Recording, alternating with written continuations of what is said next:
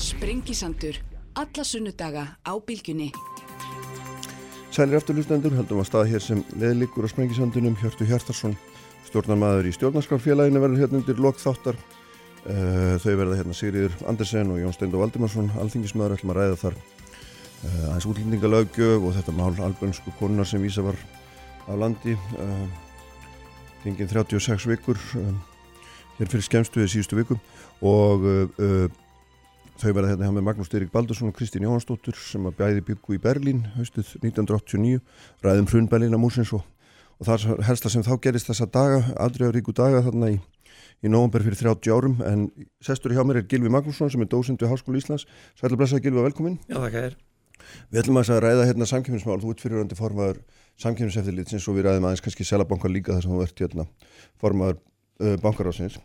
E, e, sko þú, þú hefur gaggrind mjög nýtt frumvarp uh, sem bóða var mig miklu pomp og prakt hérna, um, um einföld, einfaldari og skilvirkari reglur á, uh, í samkjöfnislögjöfunni einfaldari og skilvirkari lögjöfum þetta segir þú að sé hérna segila algjör þversang það sé verið að veikja samkjöfnislögin og, og veikja réttnið, það farða aðeins yfir þetta með mér hvað þú, svona, hvað þú sér þessu til foráttu?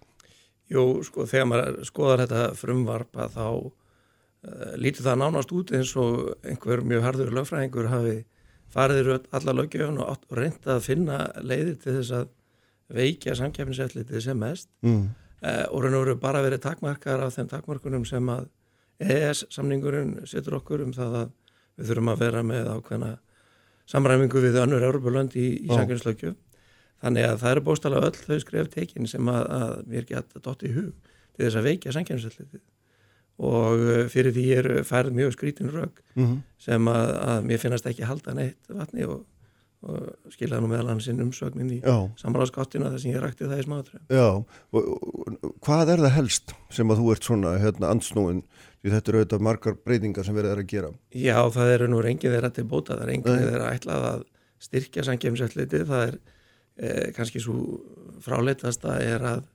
afnema málskótsrétt sangjensætlins eins og hann er kallaður þar að segja um, takkifæri sangjensætlitsins þess að fylgja málum eftir e, í dómskerfinu mm -hmm. ef að áfríðunan en sangjensmála e, fellir úr gildi eða veikir niðurstöðu sangjensætlitsins e, þetta er nokkuð augljóslega beinleginis brot á EE-samningnum mm -hmm. og ESA hefur verið að gera aðtöðasendir við normenn sem eru með svipa fyrirkomlag og til að hann er um að setja upp hérna og normin ætla að vinda ofan á því þannig að það er alveg stórfurulegt að þegar að normin hafa verið gerðir afturrækir með sína veikingu að mm. þá ætlum við að fetta í fótspór þeirra Já, uh, sko ertu grunninn þeirra skoðunar á samkjöfiseftilitið þurfi fremur styrkingar við eða ertu sáttur við lögin eins og þú eru hvaðan ert að koma í þessu?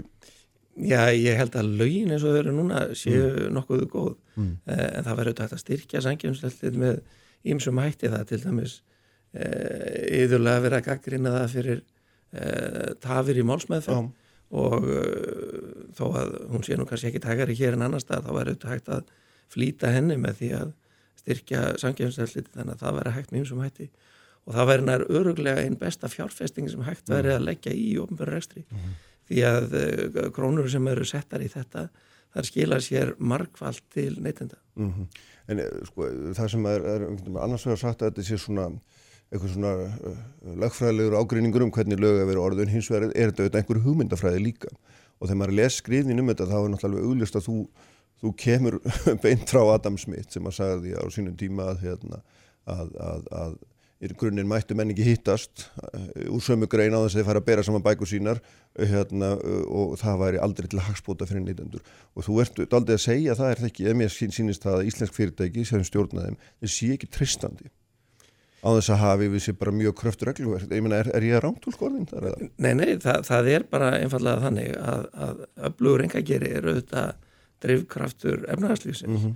en uh, það má ekki leipa honum lausum eftirlitslaust eh, þetta er í raun og veru sa, söm, sama tókstrita og við erum að sjá mjög víða, það hefur verið að berjast gegn uh, eftirlit í umhverfismálum og aðhald í umhverfismálum menn ána sömu rökum voru sett fram hérna mm. uh, það var barist gegn Eh, eða barist fyrir einföldun á, á regluverkjum það hvernar Boeing má setja flugvílar á loft og við veitum hvernig það endaði mm -hmm. eh, og það er verið að tala um ímyndilegt annað með nákvæmlega sömur rökum að við sjáum hérna um að, að það eigi bara að leta öllum böndum af engageranum en það, það er bara ekki einfallega þannig eh, hann, hann þarf að geta blómstrað mm -hmm. en hann þarf líka að fara eftir leikreglum og það þarf að vera öflugt eftirlit með því að hann fara eftir leikreglum. Mm -hmm. og hér er bara beilins verið að grafa undan því. Mm -hmm. En sko eitt er öflugt eftirlit og annað er að eftirliti sé, sé mótandi. Og maður hefur oft séð þá gaggrinni halvu þeirra sem er eka fyrirtæki að sem svona sankjöfniseftirlitið vilji stýra markanum, það vil ekki bara fylgjast með honum heldur vilji það vera inn á honum og stjórna því hvað hver gerir og hvernig það er gert. Og þarna getum er auðvitað spurningunum það alltaf hversu langt um að ganga í einhverju, einhverju eftirliti með sko frjálsum samskiptum fólks, frjálsum viðskiptum og framvegis Já, sko, það er nú reyndar þannig að samkjöfnislitið er það sem er kallað eftir á eftirlit þar að mm. segja þeir uh, fylgjast með og, og grípa ekki inn í alla jafna nema löghafri brotin. Uh, það er endar eitt ákveði sangjörnuslögunum sem er tekist á um sem mm. er mhm. aðeins öruvísi. Þeir skoða oft markaði já, já. að eigin frumkvæði. Heldar markaði gera úttöktir á þeim og svo framvegis og hérna, þannig að þeir hafa ákveðin svona þeir hafa ákveðið frumkvæði líka. Já, já, þeir geta það og það er reyndar mjög löng hefð fyrir því að samgefninsefti gerir það. Mm. Þannig er hann að vera byrjaði samgefninseftilit eða nútíma samgefninseftilit fyrir meirin öll í bandaríkjunum þegar menn sáu að, að þar var einn samsteipa standard oil búin að ná uh, tökum á öllum oljumarkaðanum og þá uh, var eiginlega sett laugjöf til að mm. stoppa það og það var grunnurinn að nútíma samkynnslaugjöf fyrst auðvitað vestanafs og svo í Európa og viðar eh, og, og, og það eru til mörg önnur dæmi til dæmis frá Breitlandi þar sem að eh, samkynnselliði þar greip inn í þegar að einn aðli var orðin ráðandi í því að reyka flugvelli. Mm -hmm eh, sami til dæmis með flugvillina í kringum London alla.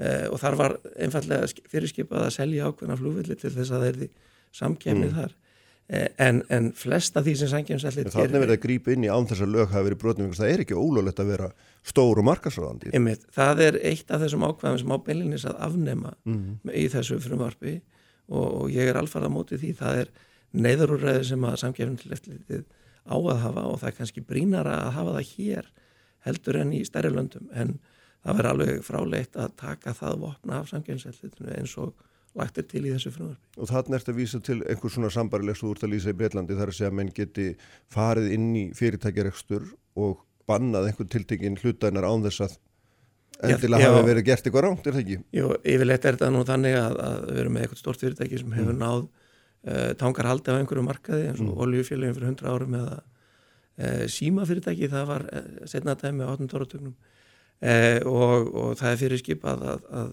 selja einhverjar eininga frá því að skipta því upp mm. þetta hefur ekki verið gert á Íslandi þannig að þetta er ekki tæki sem að hefur verið mjög þungbært fyrir hefnarslífið eins og sem er haldað fram mm. en þetta er tæki sem að samkjæmslega verða að hafa mm -hmm.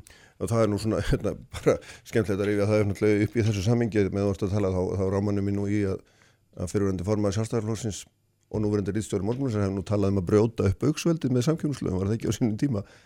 Jú, ég, það, það er náttúrulega gömulsaga á flókinu, það já, er alveg rétt að það var einhverja einhver hugmyndir í þá veru. Já, já, akkurat, en þetta telur þú að vera nöðsynlegt að hérna, samkjónseftillit geti farið inn í, inn í fyrirtæki og, og hérna, en það er svona... Jú, en þetta er tæki sem á að nota mjög sjaldan, þetta er tæki sem er notað uh, á einhverja ára eða áratuga fresti mm. og í algjöru neyð og þá þarf mm. þetta að fá aðgerna staðfest á domstólum þannig að Já. þetta er ekki hverstasleitt tæki en mm. þetta er tæki sem þarf að vera til staðar mm -hmm. Annað atrið sem er í, í, í breytingum á lögunum er að, er að hérna, það á takmarka uh, hérna, setu fórstjórans í 2-5 ára kjörtímanbíl, hann getur lengst verið 10 ár. Og, og, hérna, og, og þetta við þetta gerur aðdjóðsendir líka vegna að hérna Eh, þarna getur skort einhverja samfellu og síðan er verið að skipta úr stjórnum að þínum að þú á vörd þá ef það er gert með nýjum ráþæra því að hann hefur jú, hérna, getur gert það eins og hún sínist, getur skipt um alla stjórnum en eða fá eftir bara hendur leika, þú vilt fá einhverja skýrari reglum um þetta en mig grunar svona gaggríni aðunlífsins á sankjöfisætliti staðvel hluta því að menn sitju og lengi, menn verði of ráðríkir. Já, það er út af þess að gaggrína þessa hugmyndum að uh, fórstjóri sitji mest í 25 ár, það er mm. auðvitað að viða notað í stjórnkerfinu mm en eh, ég er miklu frekar áhyggjur af því að, að stjórn samkjörnsætlitsins að það er nánast bara gethótt ákverðun ráð þeirra núna hvenar henni er skipt út og hverjir eru settir í hana. Það eru mjög lilla takmarkanir í lögum á, á slíkum breytingum. Mm. eh, einhverja mjög almennt orðað hefnisgröfur er eina sem þarf uppfylla. Og ég tel að það sé hættulegt og það verður enn hættulegra eða verður síðan hægt að skipta um fórstjóra á fimm ára fresti. Þannig að ég hefði viljað fyrst mennur og annar bara að breyta samkvæmstöðunum mm að eh, sjálfstæði stjórnarinnar er þið tryggt með lögum. Þannig að ráþæri get ekki bara hendt henn út uh, og sett einhver einn sem að, að falla betur svona henni, hennar pólitísku sínið öru og, mm -hmm.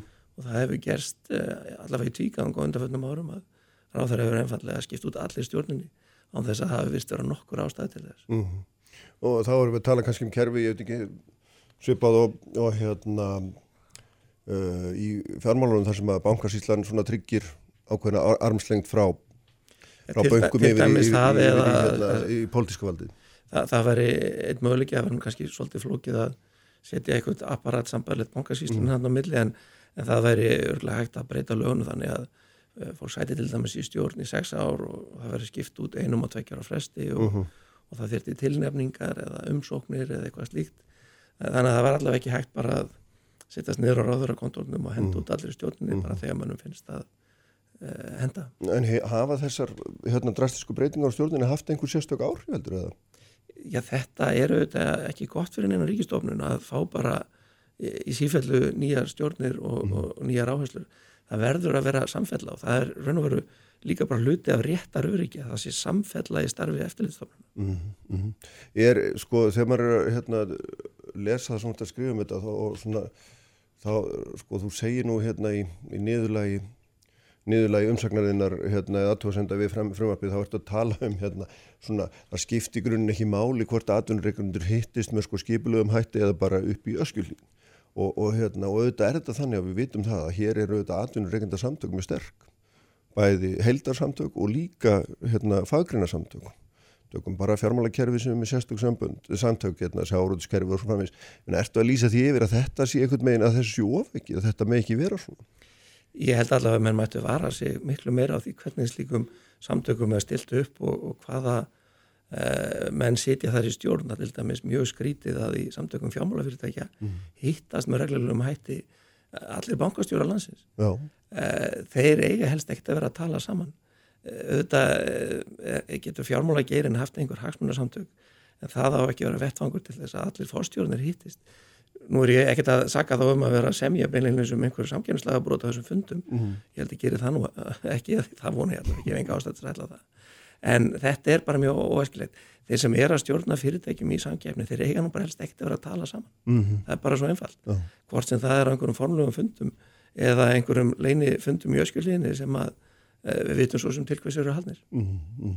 Þannig að þú ert að lýsa yfir bara almenni tortrygni í garð þessar fólks það, það er það sem þú ert að gera í grunninn ég, ég vil bara taka frestingarna frá þeim Já. og það gerir maður meðal annars með eftirliti og, og reyndar kannski einhvers mm. konar menningarbyltingu við stelum nú því orði að það bara verði litið svo á að það sé alls ekkit eðlegt að fólk sem er að stýra fyrirtækjum sem eiga verið blóður í samkjafni hittist bara reglulega mm. og fá sér pilsnur og snittur saman og ræði um málefni greinarinnar. Nei.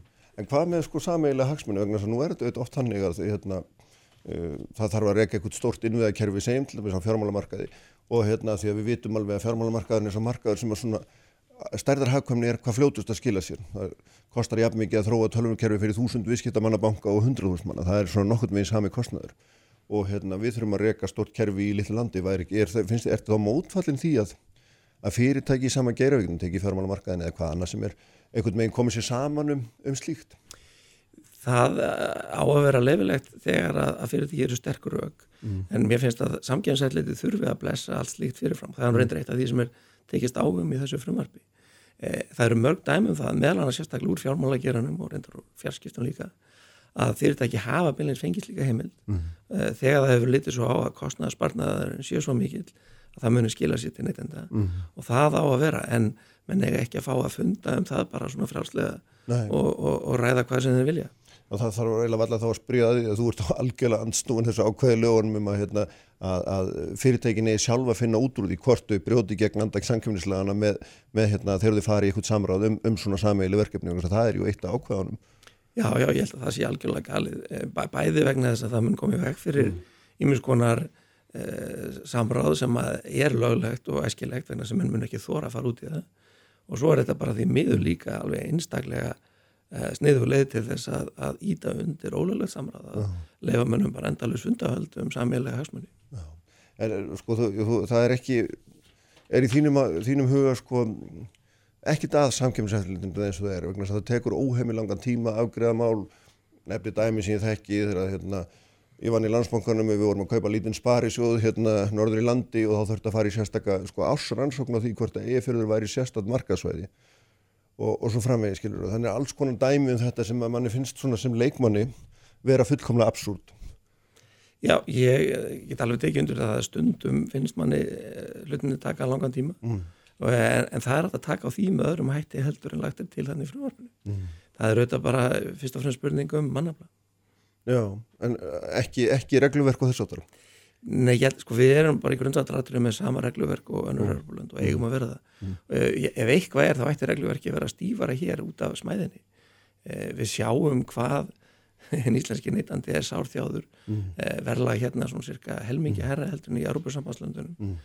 eh, og það er að hluta til vegna mjög lítillega samkefni og allt sem að dregur úr samkefni það er augljóslega bara gegn hagsmunum nýrðum Já, en, eftirlit er líka kostnaðarsamt í þeirri merkingu að það, það, það hægir á starfsemi.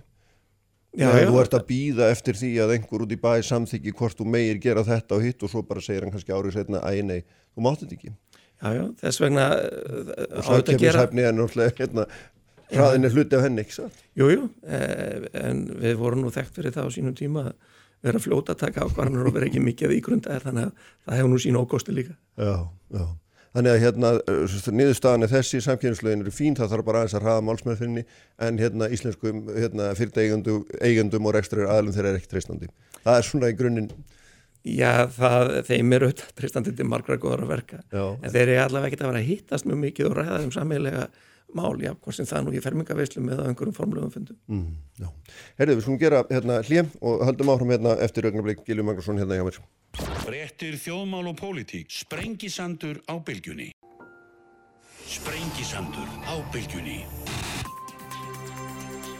Sælir aftur hlustendur, höldum áfram hérna á sprengisandurinn sem leðileggur og hún á hirti hjartasýni sem er í stjórnamaður í stjórnarskarfélaginu hérna í lok þáttar, uh, Sýrjur Andersen og Jón Stendur.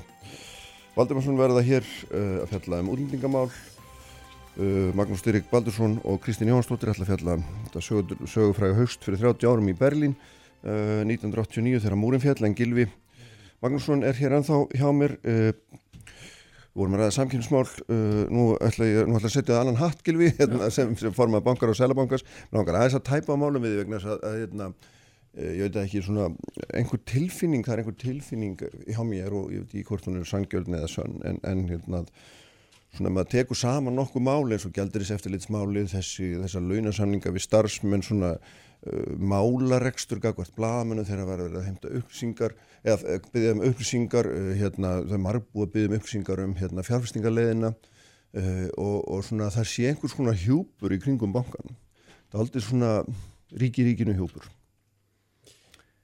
Já, það er út af þessi ekkert skrítið að, að, að þú og fleiri hafi fengið þá tilfinningu. Það, það hefur verið tölvöru vandræðigangur og hann tengist nú reyndar kannski aðalega gerldir í settliti þó að séu einhver fleiri mál þannig. Og það verður bara viðurkennast að, að þegar að bankin fekk það verkefni í hendunar fyrir náttúrulega meir en tíu árum mm. að þá var hann ekki undir það búinn og, og reyndar var sko samfélagið ekki undir það búið heldur því að það regluverk og og það gekk mjög illa að, að semja það regluverk og mistök við lagasetning og mistök við undirritun og einhverjum reglum í ráðunetum e, þannig að, að, að, að svo hörmungarsaga hófst og, og, og er náttúrulega ekki falleg. E, og það er nú kannski rótin að þessu öllu. Mm.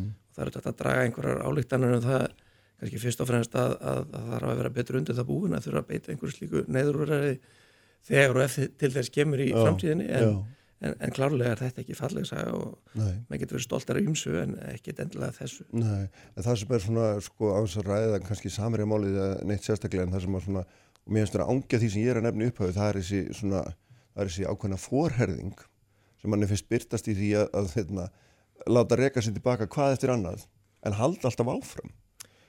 Og það Já. er svolítið sama í þessum upplýsingagjafarmálum að menn einhvern veginn menn hætt aldrei Já, já, það, það er alveg rétt og, og, og uh, tökum bara þessi mál uh, sem voru reikin fyrir dómstólum og, og bankin reikin tilbaka þar eða reikin tilbaka af saksóknara sem vildi Já. ekki fylgja einhver eftir að, að, að mörgum og, og reyndar hefur, banka, hefur fundist og bankara hefur tekið undir það mm.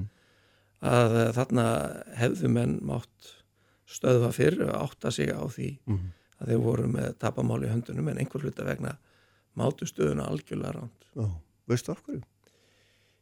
Já, það eh, hefur nú ekki komið ljós en, en með bara reynlega gerði einhver mistök, það hefur verið eitthvað slæmur ágjöf eða eitthvað fleira Mm sem allir því að, að, að þegar maður voru komin ofan í sko, skotgrafarnar þá komist klifruðið aldrei upp úr þeim aftur. Nei, en ég meina, kemur þetta aldrei til kasta ykkar sem að sitjið í aðeistu stjórn bankans Jú, á, á þessari vegferðaði við ekki bara eftir á? jú, það hefur gert það.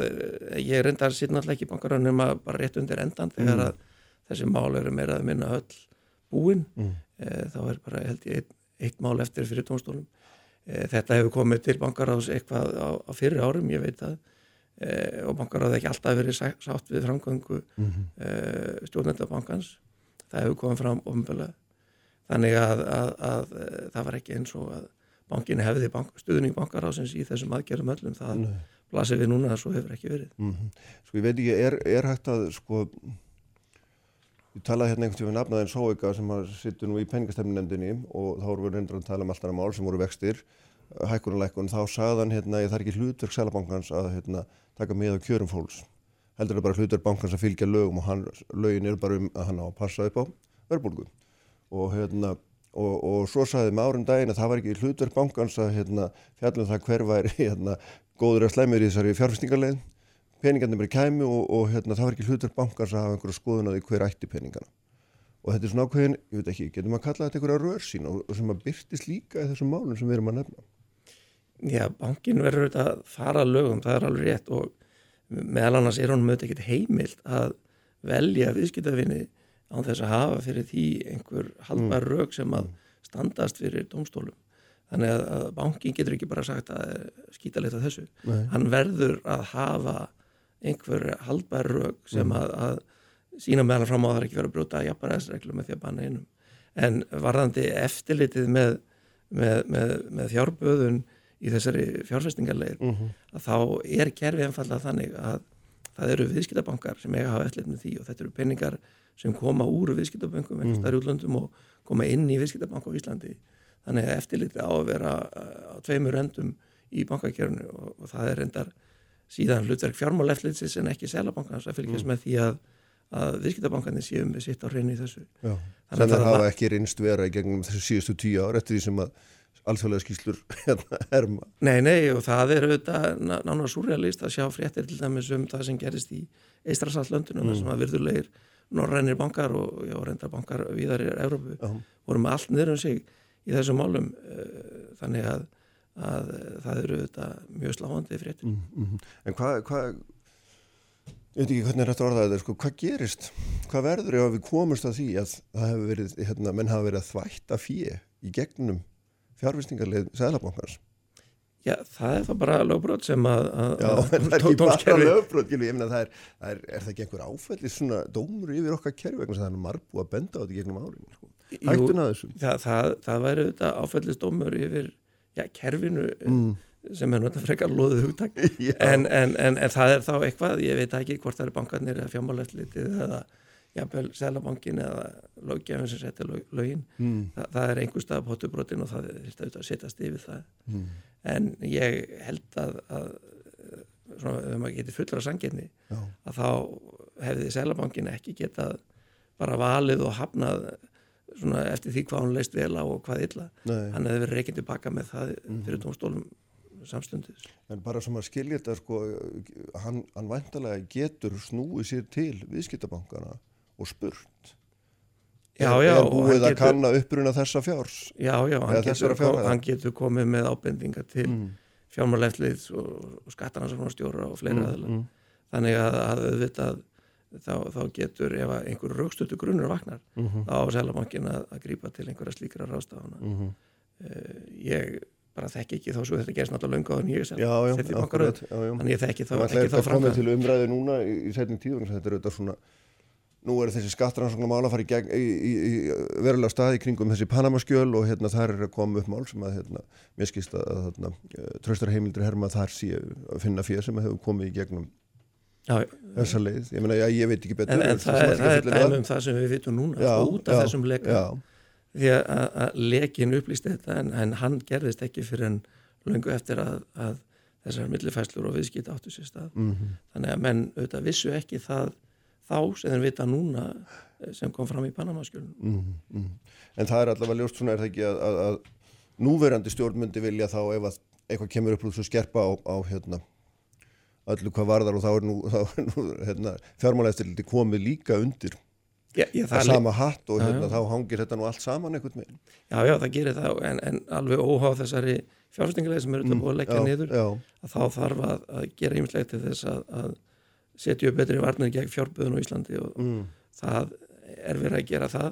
Eh, það er eins og er kannski minnst á, á forræði Sælabankans núna en eh, einhver marki á forræði fjármáleflitsins sem að verður svo luta Sælabankan heldur þetta að vera góð saminning hún hefur bæði kost og galla maður Mm. vonar það besta. Veit maður er bara bjart síðan með þetta verður mjög valda mikið stofnun í íslensku fjármálalífi og íslenskum bara markaði yfir höfuð. Já, já, hún verður það vand með það er mikið. vald. Já, já. er það sem allir að segja? Það, já, já, bara. Já, ég bara hef, hef mínar skoðunar þessu. Ég eh, hef ekki endilega lagt þetta til sjálfur en, en ég skil alveg rökin fyrir þessu. Þetta er ekkit fráleið til að Nei. e, það er eins og er gallar áni líka mm, sem að, að mér fundust vega þingra en, en ég ger enga aðtöð að senda við það að aðrir metið öðruvísi og, og það, þeirra er ákvörðunum um að mm, það er bara 20 ár síðan við hérna, þessum stofnunum var stíðaði sundur vegna þess að við þótti ekki fara saman starfseminn já, já, það, það er alveg rétt og menn hafa verið að fara í báðar áttir mm. í nákvæmlega löndunum. Ímist að samina þetta eða stíða sundur e, og aldrei fundið við fullkomna kerfi. Og þetta verður ekki fullkomið heldur. Ljómandi gott, við sjáum hvernig það þróast hérna. við ætlum að spjallum fleiri mál, Gilvi, ég ætla bara að fá eiga þig að því það senna allt í þessu fína. Ljómandi, takk hérlega fyrir að koma. Og ég ætla að hérna, fjalla um, um hösti 1989 í Berlín með þeim Magnúsi Dyriki Baldursson og Kristínu Jóhansdóttir hérna eftir. Augnablik. Uppspretta frétta á Sprengisandi. Á bylgjunni. Sprengisandur. Alla sunnudaga á bylgjunni. Sælir aftur lustendur, Gilvi Magnússon farinn frá mér, um, fráleitt spjall um samkjöfnismál, Sælabankan uh, Hjartu Hjartarsson stjórnamaður í stjórnarskrarfélaginu verður hérna undir lok þáttar og þau verður hérna líka Sigurður Andersson og Jón Stendur og Valdimarsson alþingismenn að fjalla um húldingamál en nú ætlum ég að fara 30 ára aftur í tíman við ætlum að fara til Berlínar eða til Þýskalands og út í Evrópu og hérna ræða eins um, um þennan sögufræða dag í, sem var reyndar í gær, 9. november þegar að, að hérna opnaðist milli austurs og vesturs, vestur Þýskalands og raunum verið milli austurs og vesturs getur við sagt hérna þau eru hjá mér Magnús Styrik Baldursson sem er skrifstofstjóri við Háskóla Íslands og Kristín Jóhansdóttir uh, sapstjóri Vestmanni, mér er Símonu Sæl Kristín Sæl. og hérna velkomin Magnús og, og hérna þið byggun og bæði í Berlín á þessum sögufrægu árum uh, hérna uh, uh, hérna sko ég veit ekki svona, bara sem að byrja einhver staðar. Í, í hérna í janúar þetta sama ár þá sagði félagi Erik Honegger svo skemmtilega hérna að, að, að, að, að múrin myndi segja að minnstu þessi standi í 50 ár sennilega 100 ári viðbútt og hann var nú ekki mjög fórspár því að tíu mánuð síðan var hann, var hann horfin eða ellu eh, sko Magnús, þegar þú byrjar aðeins svona kannski hvað var þetta fyrirbríði og, og hérna og hvað gerðist? Já, þetta er, þetta er löng og merkileg saga sem að, sem að má auðvitað nálgast frá ó, ótalliðum en í, í stuttumáli sagt þá er, þá er hérna múrin uh, skilgetið afkvæmi segir heimstyrjaldarinn. Já, Þjóðverðar voru gerð sigraðir í lókstríðsins og, og hérna bandamenn, Sovjetríkin, Bandaríkin, Breytar og Fraklandi skiptið þjóð Þískalandi upp og, og, Bret, og hérna Berlin sérstaklega í svona hernámsvæði og þannig að það sem síðar varð austur Þískaland var uh, sovjeska hernámsvæðið. Þar var stopnað síðan sjálfstætt ríki 1949, það voru ekki allir sáttir við það. Og, og og síðan gerðist það að það brast á með miklu fólksflótta frá þessu, frá þessu nýja landi. já. Fólk flýði í vestri. Því list, er list sennilega bara ekkit á að vera hluti af einhvers konar sovjískri nýlendu. Mhm. Og til þess að stöðva þennan gífulega flótta og komið vekk fyrir að landinu hreinlega blætti út var reistur þessi múr. og hann lá í gegnum Berlín, hann lá líka umhverfis Berlín og hann lá í reyndi gegnum allt, alltaf Evrópu og skipti Evrópu í tvo, í austur og vestur í Já. heiminum öllum. Já, Þvert í, og hann lá þvert í gegnum Þýskaland, Já. þvert í gegnum fjölskyldur, þetta er með dramatist fyrirbriði. Já, já, og, og hérna var reistu bara í gegnum, var í raun og veru bara laður í gegnum hús Já. eða sem að segja, húsin voru bara notuð sem, sem veggur á köflum og hérna, og það er náttúrulega hérna, eiginlega hálf hörmulegt að koma til Berlín að það er búið að rífa allan og þetta, þetta sögufræða mannvirki sem er svo merkilegt er eiginlega horfið, sko. En Kristín, þú varst hérna þetta 1989, varst nú reyndar komin, nýkomin frá Austuðískalandi var það ekki, á þessum, þessum árum. Jú, ég hérna var búsett í, í vestur Berlín og gott um þetta að, að Magnús rifjaði þetta upp að því það er sko margir eh, eiginlega áttuðu sig ekki á því einmitt að, að vestur Berlín var þessi eigin í miðju Östuðískalandi og það semst var ég komin og í skólan eh, til þess að, að halda áfram sagt, mínu námi en hafði verið í aftur sem sagt, í Östuðískalandi gestur þar, þar í háskólanum tveimur árum áður og ekki þá vitandi sem sagt að þetta land er lagt niður skamur síðar. En hérna eh, það, það eiga allir held ég og Magnús uh, öruglega svona sína sögu hvernig var að vera í Berlín akkurat þetta sögulega kvöld og þetta kom öllum jafn mikið á óvart og Já, þannig, skondið eins og að sko heyra í bara ráðamönnum alveg sama þeir voru í aust eða vest Mm. þetta, þetta bara kom öllum í opna skjöldi Já, það er segja, það það að hérna, landamæra hliðin, þau voru allt í einu bara, þau voru bara opinn. Það stóð ekki til náttúrulega. sko, það voru mjög margir sem, sem að sko fengur þetta fréttina fyrst í, í sjónvarpnarsálsum eins og ég Mm. ég held fyrst þetta væri bara ósmækli bíómynd. Ég bara, hvað er, hvað er í gangi? Af hverju verið að búa til eitthvað svona? Fólk að, að, að hérna koma frá Austuðískalandi allir að drekka freyðifinn og agalega gaman. Mér er þetta bara fárang þá getur ég fatt að þessi bíómynd hún er bara að rúla á öllu sjónvarstöðunum og, og þá var náttúrulega ekkit annað en bara að drífa sig og bara sjá bara þetta fatti, þannig að ég hef ekki viljað missa því Nei, ég trúi því. Hvað segir þú Magnús? Þú varst þarna líka. Já, uh, það, já, svipaða sög að segja. Ég Já.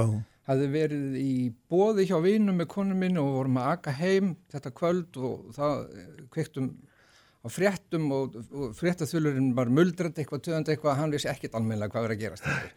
Nema að það næði til þess að, að þetta kveikja forvitn okkar, það hlíti eitthvað merkilegt að vera að gerast þarna mm. við, við hérna, hliðið. Já. við fórum beint þangað og það var bara bókstaflega þannig. Það var gífurlegur mannfjöldi samansapnaður fólki streymdi þá þegar út. Já, landamælarverðin stóð þarna vissu algjörlega þeir gáttu ekkert gert. Mhm.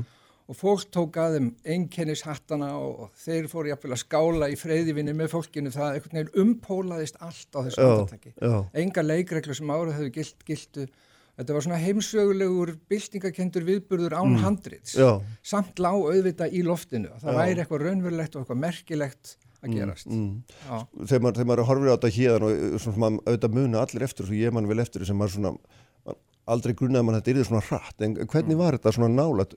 Grunaði þá engan heldur í grunin að þetta væri einhvern megin bara á, hérna, gæti kest á hvaða mínúti sem er? Nei, ég held að það sé, getur nú enginn sagt það beilinnis. Vissulega átti þetta sér aðdrand. Það, var búin að vera að gerast atbyrðir allt árið, Mm. vaksandi óanæja og ég, þetta var náttúrulega afleðinga því að Austu Þískaland lifði alltaf í skjóli Sovjetríkjana Mm. og þar voru breytingar að gerast. Já, já. Gorbachev uh, var að innleiða glasnost og peristroika og allt þetta Mm. og svo var hann stórt ammæli flokksins. Austuðíska kommunistaflokksins um haustið. Já, já. ég gleymi aldrei, ég fóri mitt yfir þá og það var svona rísastór borði strengdur yfir, yfir hérna, strætu 17. jóni sem stóð á kenning Marx er sönn að því hún er rétt.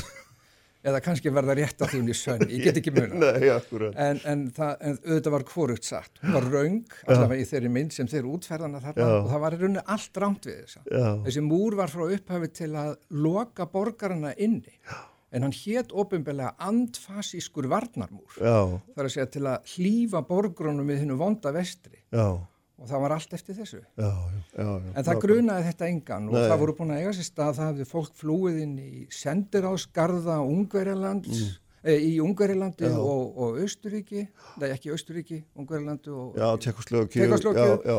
sapnaðist þar faman og kraf, krafist þess að fá fara yfir í vestri og Austurísk stjórnvöld voru eiginlega alveg ráðþróta. Já, Þeir gerði ekkert ráð fyrir þessu. nei, nei. Það voru allt trénaðir gamlir kallar, sátt á fundum, þeir þeir höfðu ekki bara ímyndunar Nei, til að sjá, uh, til að til að vita hvað er hægt að gera. Svo Nei, kom nei. Gorbatsjov, var heiðusgestur á þessari síðustu ammælisátti flokksins og sagan segir að, að Honecker for, formaður flokksins og þjóðhöfningi austu þjóðverja hafi falast eftir stuðningi ef á reyndi. já, Hann var með öðrum orðum að velta fyrir sig bara að beita skriðdreikum og hervaldi til að berja þetta niður. já, já, Og Gorbatsjov saði bara því miður. Þið einmitt. ekki treyst á okkur í því.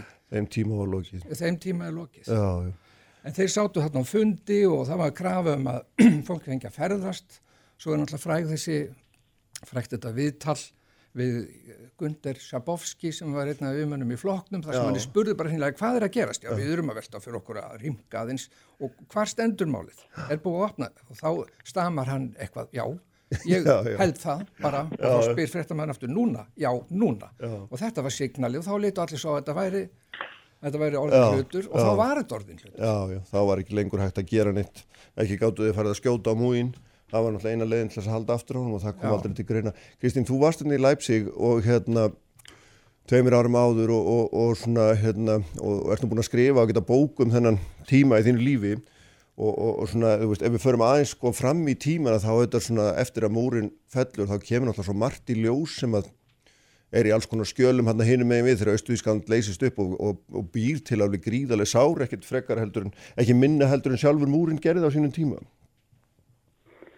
Já, að hérna, sko þe- þetta var náttúrulega alveg ótrúlega sérstætt samfélag, Östurþískaland og, og auðvitað sko verður maður líka alltaf að, að taka inn í inn í myndina þetta að sko þetta er alltaf bara bjófólk sem hjælt einmitt að þessi múr eh, ætti alltaf eftir að, að standa.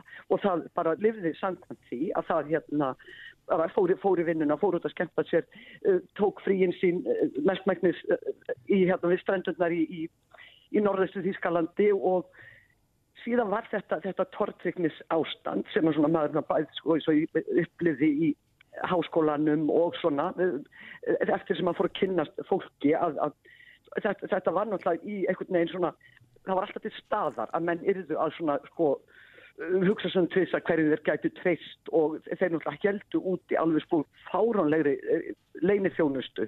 Það var sko þísk nákvæmni og, og þá komur hugsaður úti hvað þeir gáttu sapnað að gognum ekki með tölfur eða Excel-skjöl eða nokkuð skapaðan þetta var sko, þetta var makalust samansapna, öll hérna, öll spasi-skjölin og auðvitað náttúrulega þegar að síðan að það er farið að taka þetta upp, upp úr kassunum að þá náttúrulega sko komu fram fáránlegi hlutir og bara virkilega sorglegi hlutir þegar það hefði jafnvel sko mennuðu verið að njóstna hvorum annan innan fjölskyldna og svo, svo mætti lengi telja, auðvitað var þetta sko Já, þetta var bara ótrúlega system og þess að finnst mann alltaf í dag að maður er bara mjög hissa að það sé sko einhver sem að sé þarna í Austurískalandi sem að sé á því núna að það hefur verið farið eitthvað illa með það og, og það hefur verið einhver glóra í einhverju að, að halda þessu kongandi. Já, það er nefnilega svolítið merkilegt að það er ennþá til tölverður hópur af fólki sem að er hérna, sem að sko saknar gamla Austurískalands og, og þarna og sko það er náttúrulega fræð þessi ummæli Vili Brands hérna fyrirvörandi kanslara þá að, um að, að hérna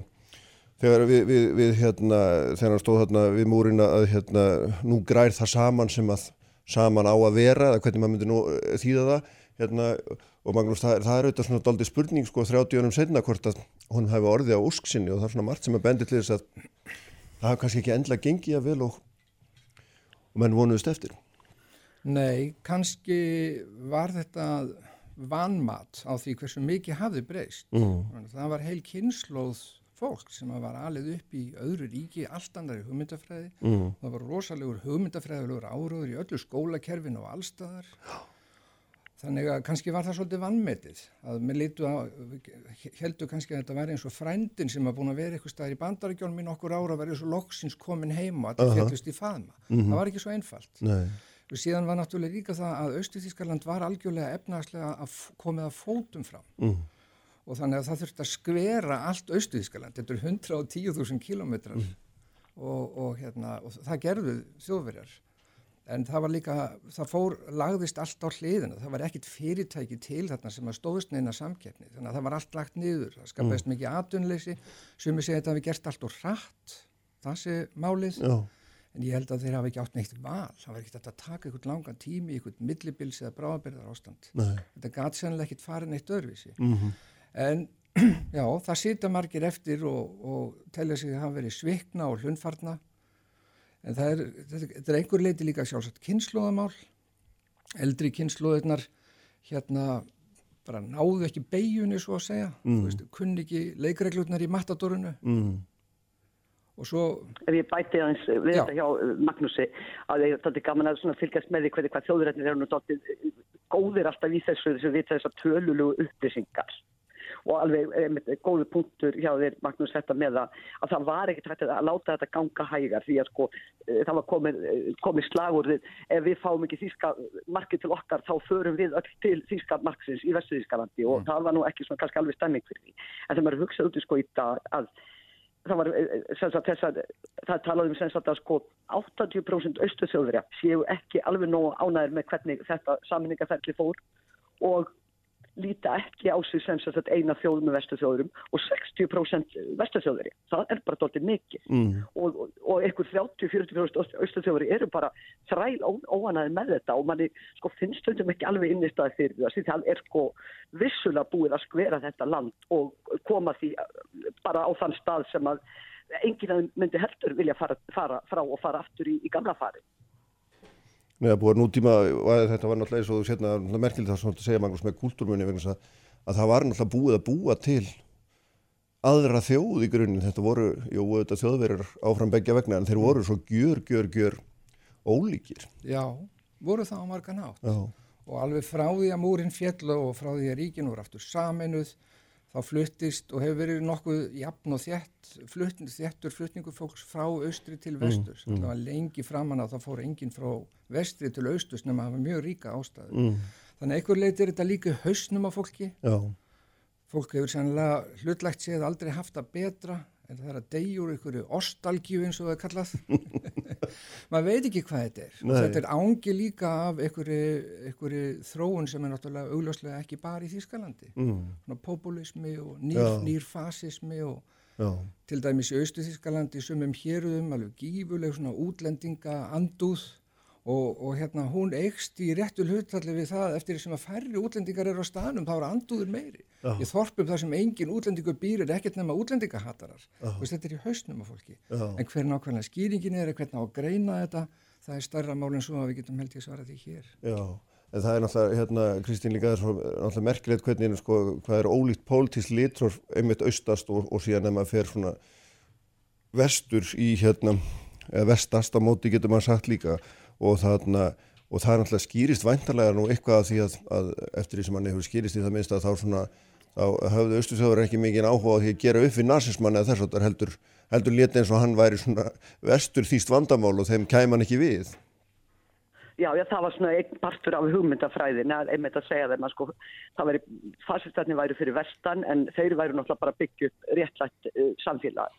Svo er svona einn kenningin sem að, ég var að uh, heyra sko varðandi af hverju þetta bara þetta fenomen að þessi, þessi óanæja að það sé sem sagt að, að sko fjölmiðlar hafi alveg frá hér sa, þess að saminningu verið alltaf of svona einhvern veginn sko vestur Þískalands miðaðir. Þannig að sko austurþjóður finnst einhvern veginn alltaf eins og sé ekki verið að taka það og nógu alvarlega og þetta að já að, að, að telja sig svona einhvern veginn vera borgarar uh, annars flokks. Mm. að það er bara, það er bara tæpur helmingur austurþjóðari sem telur sig vera þar en svo er líka hinn helmingur sem er bara fólk sem að sko stökk á tækifærin og bara sko bara skamma sem fyrir sko marga hluti í farið þessara þessara óanægðu austurþjóðir ja, og, og þetta er nú reynda doltið svona í þýsku þjóðarsáninni sko að menn eru alltaf hrettur að sé vera að taka eitthvað frá sér. Og, og akkurat þetta að þessi, þessi, þetta, það er miklu færri útlendingur í austurhluta Þýskals þetta er nokkur í vesturhlutan Mm. og þess vegna er þetta svo óskiljanlegt hvað þeir sko, eru að, að keira á þessa, þessari, þessari anti-útlendinga og, og flottamanna pólitík það, það, það er svo einhvern veginn bara, eh, já menn sem, að- sem að hafa bara ekkert með útlendinga að gera í rauninni. Já, sko hérna við getum þetta fjallað um þetta lengi fram og tilbaka, sko. Eitt af því sem að mér veist svona, maður má ekki gleyma samt er, er hérna og þetta var náttúrulega rísastóri atbyrðin svo voru líka einhverja personir í miðpundu og það er náttúrulega Helmut Kohl, hann var auðvitað kanslarinn og hann svona hérna, var aldrei saminninga kanslarinn og þetta, þetta var stóra pólitíska afreg hans á þessum tíma og hérna og hann gerði þetta auðvitað mjög miklum krafti, kerði þetta áfram og, og mann man eftir, eftir fréttamindunum þegar hann var að koma austur yfir og, og fólki þyrti staðanum eins og rockstjórnu mm. á torgunum. Ein, Einmitt. Hann lofaði náttúrulega líka gull og grænu sko. Já, já, blómstrandi ökrum og allt myndmáli sem hann notað. En fólk varður þetta líka það, spennt. Þetta var óbúslegu léttur og það var eftirvænting í loftinu og allt það. Og svo líður tíminn en ég er alveg sammálað því sem Kristín segir að þetta eru það sem við höfum verið að tala kannski dálduð um hér, það eru ónæðurættirnar, við erum mm. ekki að tala um alla nei, sem að kannski þöglan meirluta sem, sem að bara hefur raungert þessa saminningu í bara í sínu lífi og Já. það er mjög margt sem er algjörlega gróið saman og er orðið eitt. Já, einmitt. Eitt af því sem að, hérna, var líka í mann eftir að vera í umræðin á sínum tíma, hérna, kannski rétt svona í lokin bæðið tvö, hérna, var auðvitað, sko, það var svona fyrirfram eftirsjá að fríríkinu Berlín og því frjálsa samfélagi sem þar var og menn voru hrættur um að Berlín myndi breytast á mikið. Hva, hvað finnst ykkur um Berlín í dag? Já, þú byrjar Kristín. Ég skal allavega svara fyrir yeah, mig, yeah. mér finnst Berlín í dag náttúrulega bara, sko, dásanasta borg, svona, bara sem ég, sem ég þekki við hlýðin og Leipzig Uh, og, en, það, og það var ofsalega gaman að fylgjast með þessu gerast einhvern veginn, þegar bara uh, já, Berlin, náttúrulega Östur-Berlin og Magnús Örgla getur tekið undir með mér. Maður fór svolítið sem að væri að fara til útlanda og svona 40 rætti tíman þegar maður fór úr látorum í Vestur-Berlin yfir til, til Östur-Berlinar uh, og, og það sem kom mér kannski svolítið mikið á óvart, af því ég fór þarna oft það var hvað sko margir vestuberlina búar voru bara rosalega ánæður með sig á þessari, þessari anarkista eigjöðansónu stundu kalluð gamla vestuberlin mm. þarna var ekki herskilda þarna voru menn með alls konar afslætti og, og auka greiðslur fyrir að búa þarna og, og þetta, þetta var mjög svona líka uh, skondinstaður gamla vestuberlin Og, og, en, en það sem komið mest á óvart það var hvað sko vesturbernabúar hvað þeir voru lítið áhuga samir fyrir hinnum hluta borgarna margir þeirra voru að fara til Östuberðin í allra fyrsta skipti þegar það uh, eh, voru fellir mm, mm. Hvað segir þú Magnús? Já, ég, þetta ég get alveg tekið. Þú varst í 16 ár. Jú, Bellin var mjög sérstök, þessi úr, hann náttúrulega... Markaði allt lífið. Markaði allt lífið, þetta var samansapnur allar, allar sem voru öðruvísi. Já veist, þarna var all gei senan og eins og Kristín sagði það var merkilegt að ungir kallmenn sem vildi losna undan herþjónustu, þeir mm. flutust í Bellinar það mátti ekki skikja þá í herin þar þurftu þá reyndar að halda sig þar Já. það var margt mjög, mjög sérstættin gerði borgina skemmtilega og ég held nú að hann sé bara algjörlega frábær þó hann hafi vissulega breyst, hún hefur mm. opnast en enn er stíðuströmmur ungs fólks allstæðar áður heiminu til Bellinar sem er að sækja eitthvað þangað. Já. Það er meðal Íslendingar, ég held að hundruður ungra Íslendinga í Bellin. Já. Og þeir byrja því allir heyrist með nokkuð vel söguna. Já, þannig hún hefur bara vaksið nokkuð vel saman. Já. Já. Herru Kristín, hérna, takk fyrir að vera með okkur og Magnús, takk fyrir að koma. Þetta var frólægt og skemmtilegt að hafa ykkur hérna hjá okkur bæði. Uh, þeir verða hérna með Sigriður Andersen og Jón Stend og Valdimarsson eftir einu blikk. Frettir þjóðmál og pólitík. Sprengisandur á bylgjunni. Kraftmikil umræða alla sunnudaga. Sprengisandur á bylgjunni.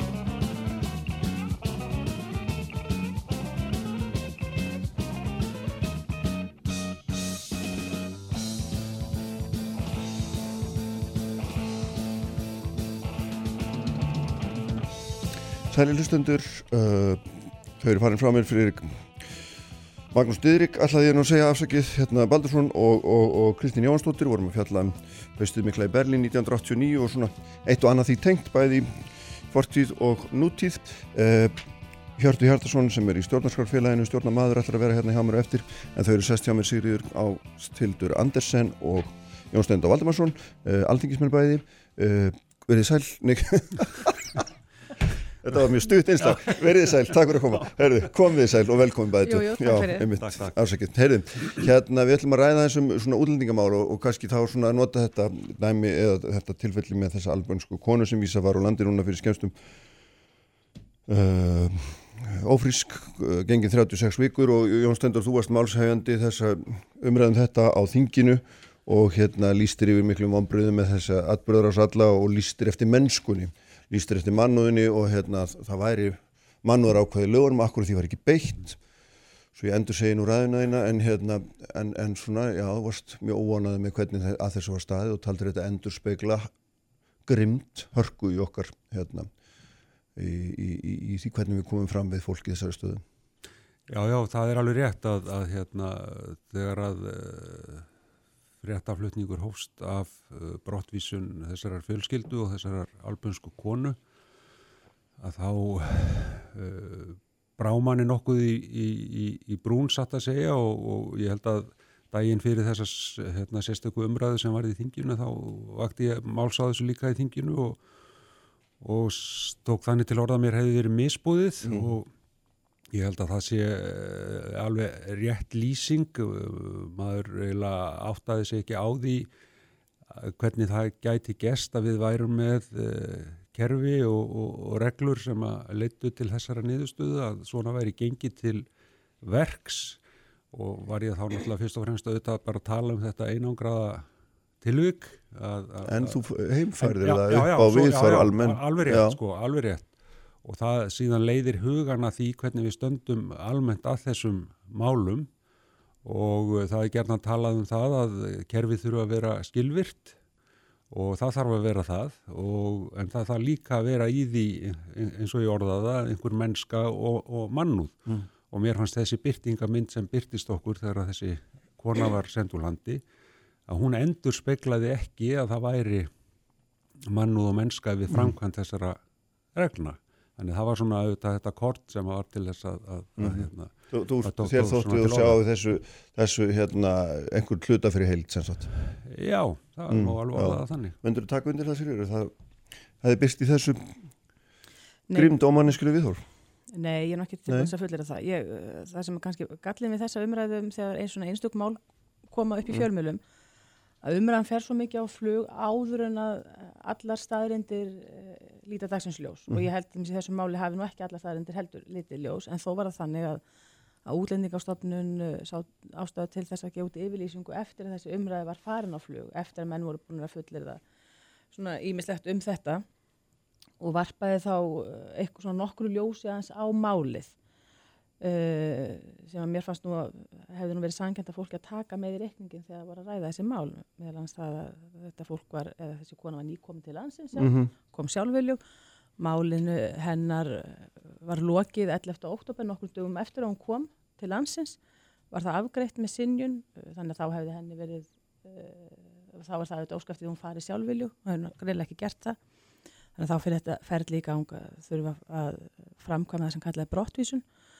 Þannig að þetta er svona, mm. það er svona gallið með þessi mál að þau staðrindan líka ekki allar fyrir og, og það er auðvitað ekki gott og ekki þægild að vera að taka þátt í þátt í umræðum um einstökum mál en uh, En þér finnst það ekkert í þessu máli sem að endur speklar einhver viðþóra sem að ætti að vera öðruvísi en það eru? Nei, það er ekki ég menna uh, við höfum, þetta er nú sérstaklega fólk frá Albaníu og uh, það likur fyrir að við höfum fengið mjög mikið mm. hælisumsóknum frá fólki frá Albaníu og uh, nánast alla, öllum er hafnað nánast öllum, mm -hmm. ég held að það hefur verið hérna um 500, nei um 700 Eh, umsóknar frá Albaníu frá árið 2015 og það er 99% umsóknar sem hefur verið hafnað. Mm.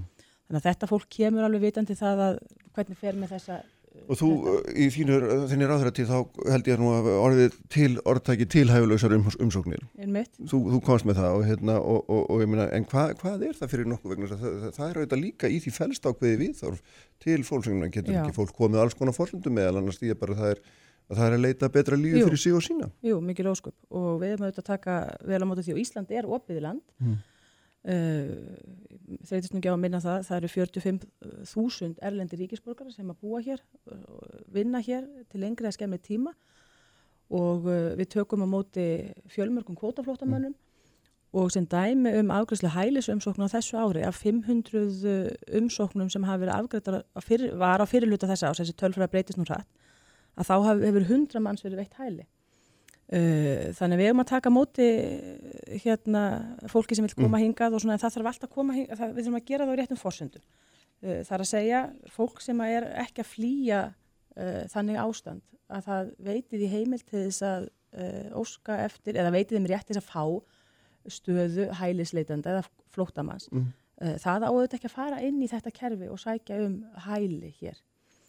Uh, þá Fara heldur aðra leið þá? Þá fara einhverja aðra leið og ég hef talað fyrir því og, og hvart uh, þá sem fara með þau mál uh, sem er nú félagsmálur á þeirra Mm. og, og, sá ángi af stjórnvöldum til þess að endur skoða mjög uh, þessar reglur um veitingu atvinnuleifa R- viltu rýmka það sem sagt? Já, já, fyrir ríkisborgara utan Evrópusambands, utan Mhm, EES svæðisins mhm, mhm.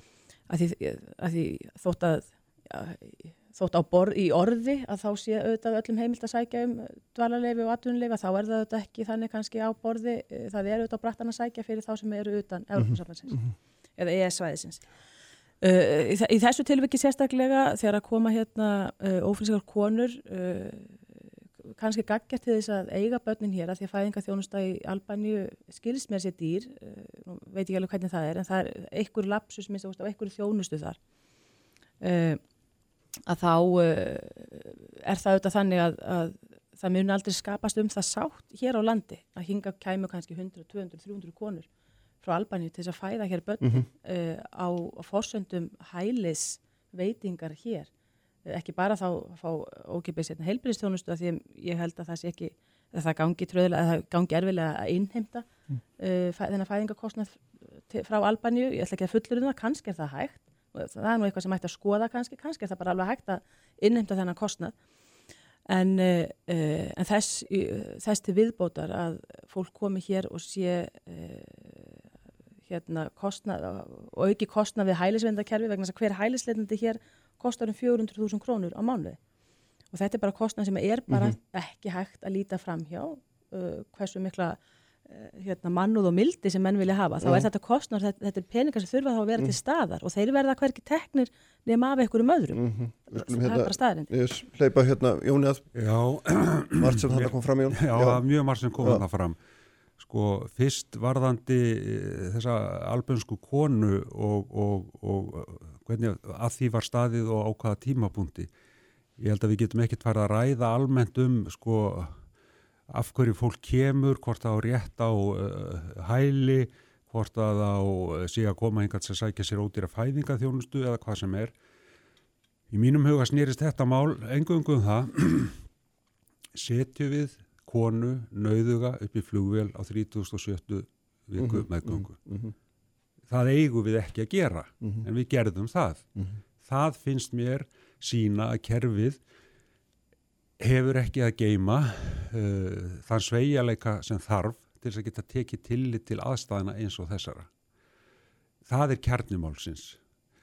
Síðan get ég alveg tekið undir það að, að uh, uh, það er margt fólk sem kemur hingað sem á ekkit endilega erindi hingað þar sé til þess að, fá landvistarleifi eða dvalarleifi semst á grundvelli þess að, að hérna, aðstæði séu þannig í heimalöndu þeirra að, að, að það sé rétt og ég tek alveg undir það að það er uh, væri skinsamlegt á okkur og raunverulega er sorglegt að við sem ekki löngu búin að því það er einmitt að opna leiðir inn í landið fyrir fólk sem í rauninni vil koma hinga til þess að vinna, til þess að, að bjarga sér af því að til þess ekki geta gert það með, með hérna, fullingandi hætti heima hjá sér.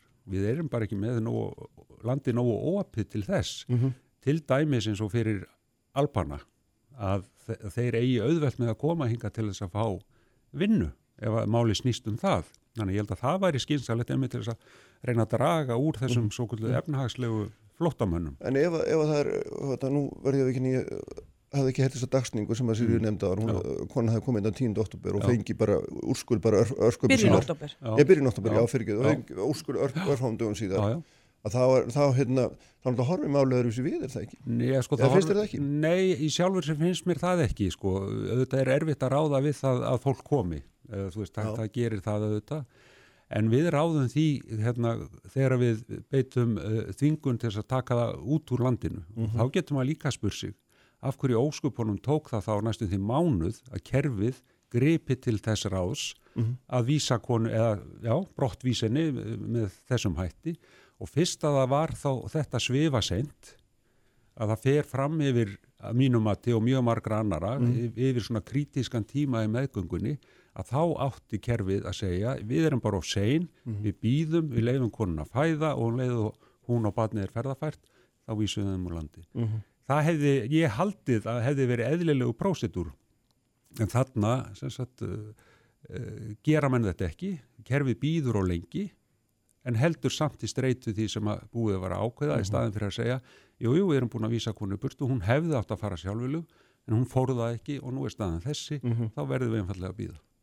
Þetta er, sko, þetta er hrikalega harkalett þegar þetta er gert á öndanum það er ekki þetta hérna, að horfa fram hjá því blikkandi blálörgljós og hérna, kasúleitt kona með tveggjara batn og, og einhvern veginn gripin í burtu og nóttu til, ég menn þetta er hljóma náttúrulega ekki vel og það er alveg sama hvernig mann skoða það og hvort, man, hvort hún kom deginu fyrir það síðar. Nei, það, það er hérna þetta er ekki samfélag sem við viljum vera ég. Nei, auðvitað hljómar þetta allt saman og auðvitað er það, hefur það verið hérna, og þetta er ekki fyrsta skitt sem svona er gert. Nei, nei, nei, Nei. Og, og þetta er auðvitað ekki það sem við viljum sjá. Og þess vegna skiptir svo miklu máli að menn haldi áfram á þeirri braut sem að ég markaði nú að, að stýtta þennan málsmeðfyrir tíma sem mestan megi. Og mér sýnist nú útlýmis útlýningastöfnun hafa náð því, hún afgreiðir svona umsóknir á einum degi.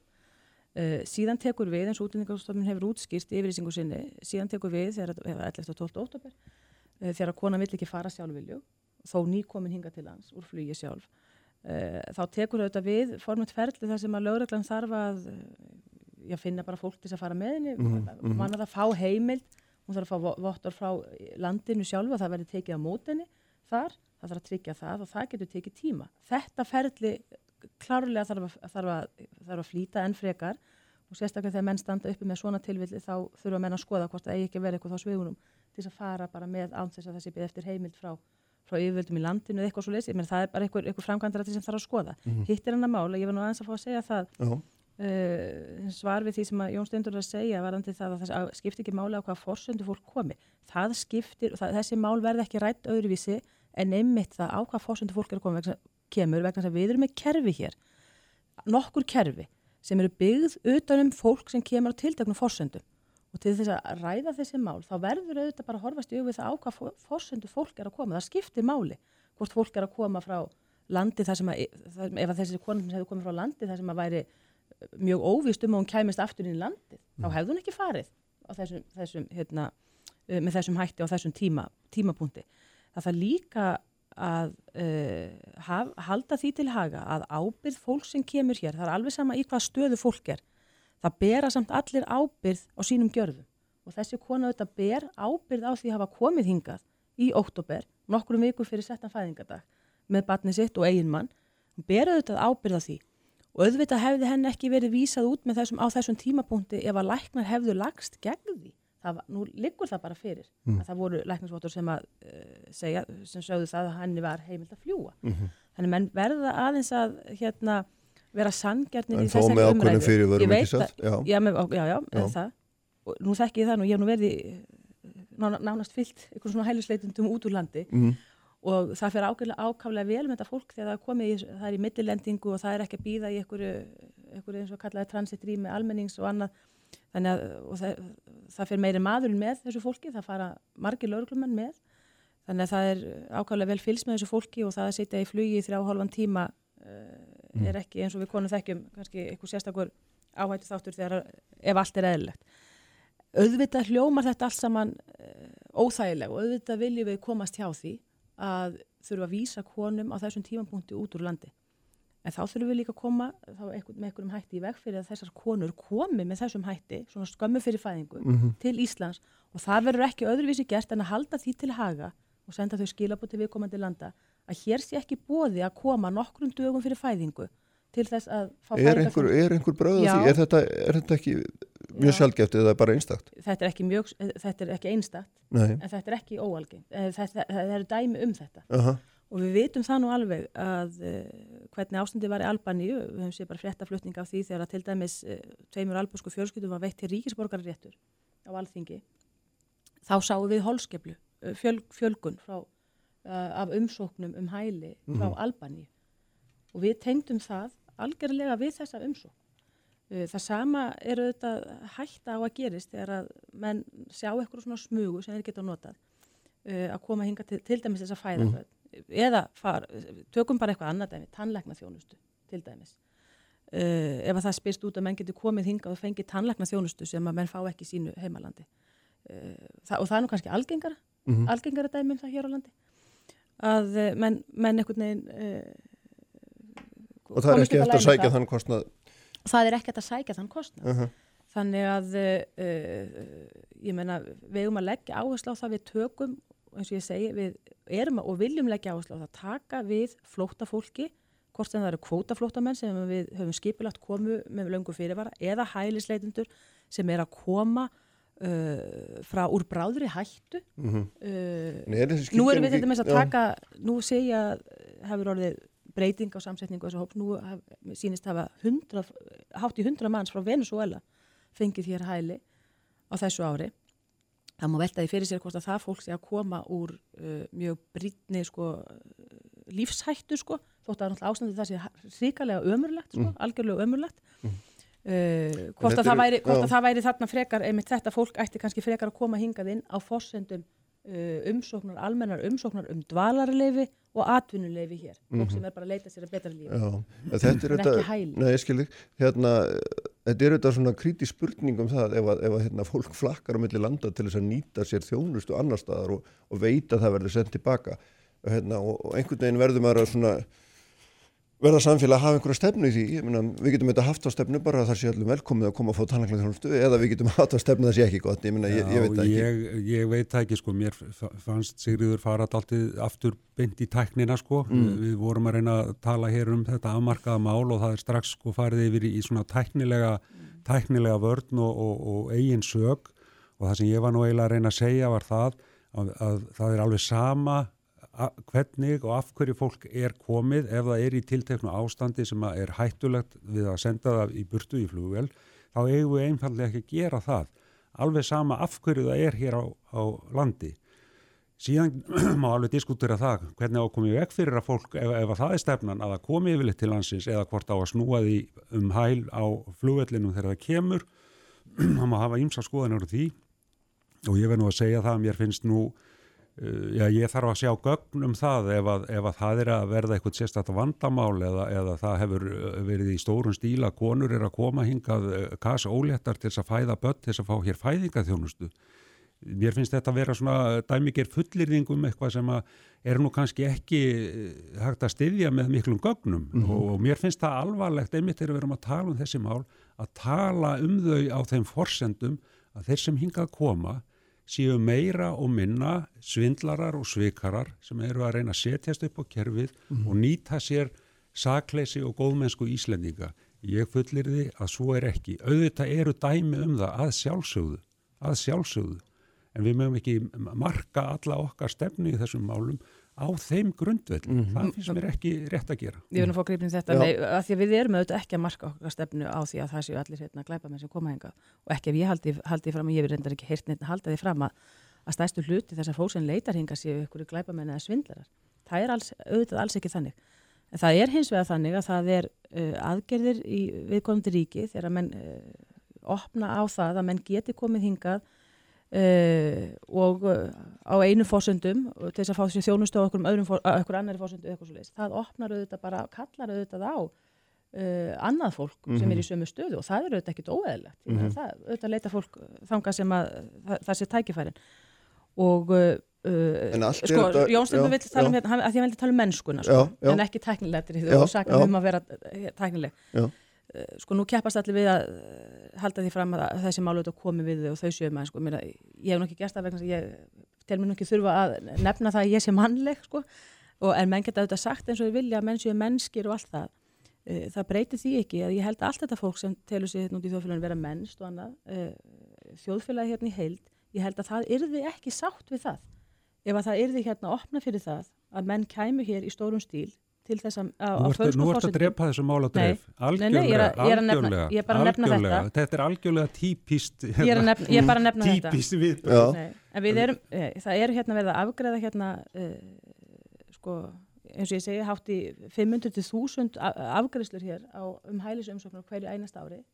Fullt af fólki fær hér hæli og þetta eru allt afgreðslur, það er sem hvert einasta mál er skoðað uh, með einmitt mannúð og mennsku að leiðarljósi. Þetta, þetta mál gert. var ekki skoðað þannig, það blasir við. það blasir við Já, það, það, það er allt í lægi að viðurkenna það. Sigurður, bara að segja já, það já. var ekki rétt að þessu staðið það, hvað er að því að viðurkenna það? Nei, Akkur má ekki viðurkenna það? Nei, ég, nú, ég, ég get náttúrulega ekkert gert að ég vinn ekki í þessu kerfi en Nei, ég þekk ekki málið og ekki þú reyndar heldur ekki þú heldur, Ég- eina sem við það að við vitum að það sko. er læknisvottor Já, það sem að læknisvottorinn liggja fyrir og þannig að það var allt saman skoðað Mhm. Við það erum, fyrir, um, sko. samt, við erum að tala um þessa aðgerð sem ég nefndi við þið Já, áðan já. þessa nætur aðgerð á þessum tíma mannesku sem það er í þessu flug, það ástandi er flug á næturnar hér sko, að við þekkjum það sko. ekki, en þú, meina, þú ert nú til í að viðkynna það að þetta hefur verið ómanulega gert að lokum er það ekki? Þetta, er, þetta, er, þetta er óþægilegt fyrir okkur að horfa upp á að sjálfsögðu, við kynni það það finnst öllum þetta Ekki óþægilegt. Nei, ófrisk- þetta, ófrisk- þetta snerist ekkit um konuna heldur bara hvernig okkur líður Jú, jú, og konuna líka, jú, jú, auðvitað hefur það verið óþægilegt fyrir hana, mikil ósköp, en hún kom hinga sjálf í Já, nokkur já, dögum áður. það skiptir ekki máli í þessu það, samhengi jú, það, Nei. ég er ekki tilbúin að fallast Nei. það að menn eh, verði ábyrðalösi mm. gjörða sinna þótt að þeir séu Já, jafnvel í hún ber erfiðri ekki ábyrð á þessum, uh, þessum að, þessari aðgerð. En mér langar eitt í viðbót hérna áður en við, áður en við ljúkum þessu, sko, það er, það er hérna, sko, við tölum um tilhæfilegsar umsóknir fólks sem það kemur og, og hérna, þú talar mikið um það sýriður áðan að, að Venezuela búar væri kannski ekki bráður í lífsættur þegar þeir. Ég veit ekki þekki það, en það er ekki átt að fórsöndum þeir eru að fá hæli, en trúlega eru þeir að fá hæli út af mennskunni. Pólitísku ástandi, Já, já, já. já, um hversu viðtak skilgreiningin er og hvað við teljum vera réttmæta ástæða þess Já. að þú tekur þið upp frá þínu heimalandi og það er erfið ákvörðun hvort það dögar að það sé heilbriðstjónast að sé lélega, að þú getur ekki fengið vinnu að börnin komist ekki í skóla eða hvort þetta þarf að vera hamfaraflóð og stríð skilur mig. Einmitt. Þetta er náttúrulega skilgreiningar atrið okkar megin og erum við ekki með þetta þá er það spurningin allt og þröng. Já, nei, hún er, það má veltaði fyrir sér hvort hún sé ekki of þrönga mitt fyrir sko dvalarleifin og atvinnuleifin. Mm -hmm. uh, vegna þess að fólk auðvitað sem er að uh, sko flýja bara dýrt heilbriðiskerfi ömulegt stjórnmála ástand og það nú reyndar ágætt að hafa það í huga á þessum degi þegar við erum að rifja upp fallin Berlínamúsins allt þetta fólk, allt þetta fólk er einmitt að fljú, flýja allræði uh, margt að þessu fólk er að flýja einmitt kommunisma mm.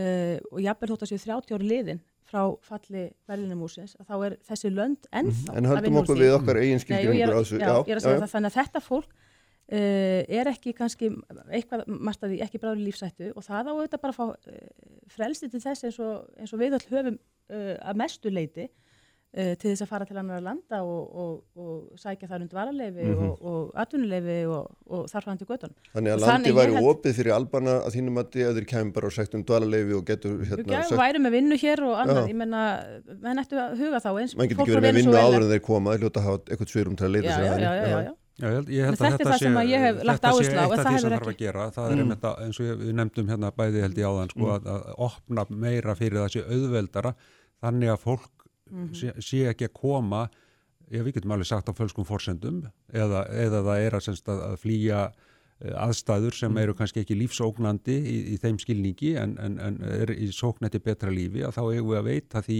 því, fólki tækifæri en auðvitað í gegnum einhvert kerfi og, Með einhverju leiðsögn þá eða eitthvað? Já, þess vegna með einhverju leiðsögn eða fólk geti sótt um og fengið eins og þú nefndir Kristján, sko, eitthvað svigrum til þess að leita sér að vinnu Mm. og svo framvegis og svo ef að það tekst ekki að, að þá hérna, missið að dvalarlifi og svo framvegis. Þannig ég held að við getum gert margt til þess að draga úr uh, sókn fólks sem, sagt, sem að er að sækjast þetta betra lífi á forsendum þess að það sé sko búi við, við sko uh, lífshættulegar aðstæður í heimalandinu. Og við auðvitað þekkjum það og þá, þannig auðvitað eh, gengur allur þessi mekanismi fyrir sig í heiminum að fólk eru auðvitað á faraldsfæti af því að það vil búa annar staðar, það vil uh, hérna, leita sér að betri tekjum eða betri aðstæðum í lífinu og, og uh, það, við þurfum auðvitað svona að vera frekar hvetjandi til þess að fólk geti gert það líka hér frekar en að, að, að hérna, hafa hér allt og þröng skilirði og ég held að það myndi þá einmitt draga úr álæginu á, á þetta kerfi sko fyrir hælisleitendur sem eru auðvitað sér hannaði í sérstökun tilgangi. Ég, meina, ég tek alveg undir það sérstökum tilgangi og takmörkum tilgangi, já, já, Það er að, ég held að líkilættir þessi hérna er mitt að hjálpa fólki til sjálfsjálpar en ekki hjálpa því til þess að, að verða hjálpað sko. Mhm.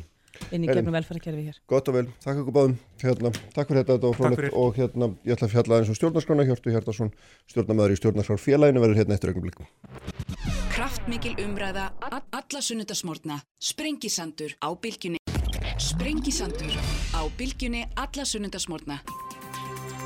Sæli hlustendur, við erum hérna á loka, loka sprettinum í dag. Uh, Hjörtur Hjartarsson er sestur hjá mér, hann er stjórnamaður í stjórnarskrarfélaginu, velkomi Hjörtur. Takkaði fyrir. Sko, í dag er, er, hérna, er setni dagur röggræðu fundar á vegu ríkistjórnarar hérna í nágrunni við okkur í lögðarsvall sem sýtti einhver tefnilega 300 mannskins mér að hérna, röggræða ymsall hlýðar á hugsanlegum breytingum á stjórnarskráni og, hérna, og þú komst nú færandi hendi með litla bók þar sem er nú er ný stjórnarskrá. uh, eða skrifið að minnst til að henni getur við kvarða Já, þessi já, sem að samtitt var í þjóðratkvæði 2012 Akkurat, og hérna, þið hafi nú barist mikið fyrir í þínu félagi og, og, og ykkar að, hérna, að þessu máli verður nú þoka áfram. Þetta var, var þetta eitt af lovorðum eftir hrun á hálfu stjórnmannamanna að við fengjum nýja stjórnarskrá. Já, alþingi 63 þingmenn samþyktu að það já. skildi farið í, í endur skoðan á stjórnarskránni. Já, einmitt, en ég minna, hérna, og svo svona, ég sé svona mildilega orða að texta hjá okkur inn á heimasíðinu ykkar, negin á hérna Facebook síðinu að, hérna, eitthvað finnst þessi fundur vera svona endur tekið efni þetta sé verið að ræða hluti sem að löngu er búið útljá. Já, það, það náttúrulega, sem sagt, það var kosið til stjórnlega þings já, og, og skipað stjórnlega ráð, þjóðkjöru stjórnlega ráð í kjölfarhunsins. Já, já. Eða svona upp úr því. Já, já, emitt. Og, já, já, og það skilaði alþingi uh, tillögum að nýri stjórnarskrá í frumársformi sem alþingi hafi beðum Já. og alþingi bóðaði síðan til þjóðaratkvæðagreyslu um þessar tillögur Já. og 67% kjósenda sögðu já, við viljum að þetta sé grundvöldur nýrar stjórnarskrár Já. að þessu leiti finnst okkur þetta að vera endur tekið efni Já.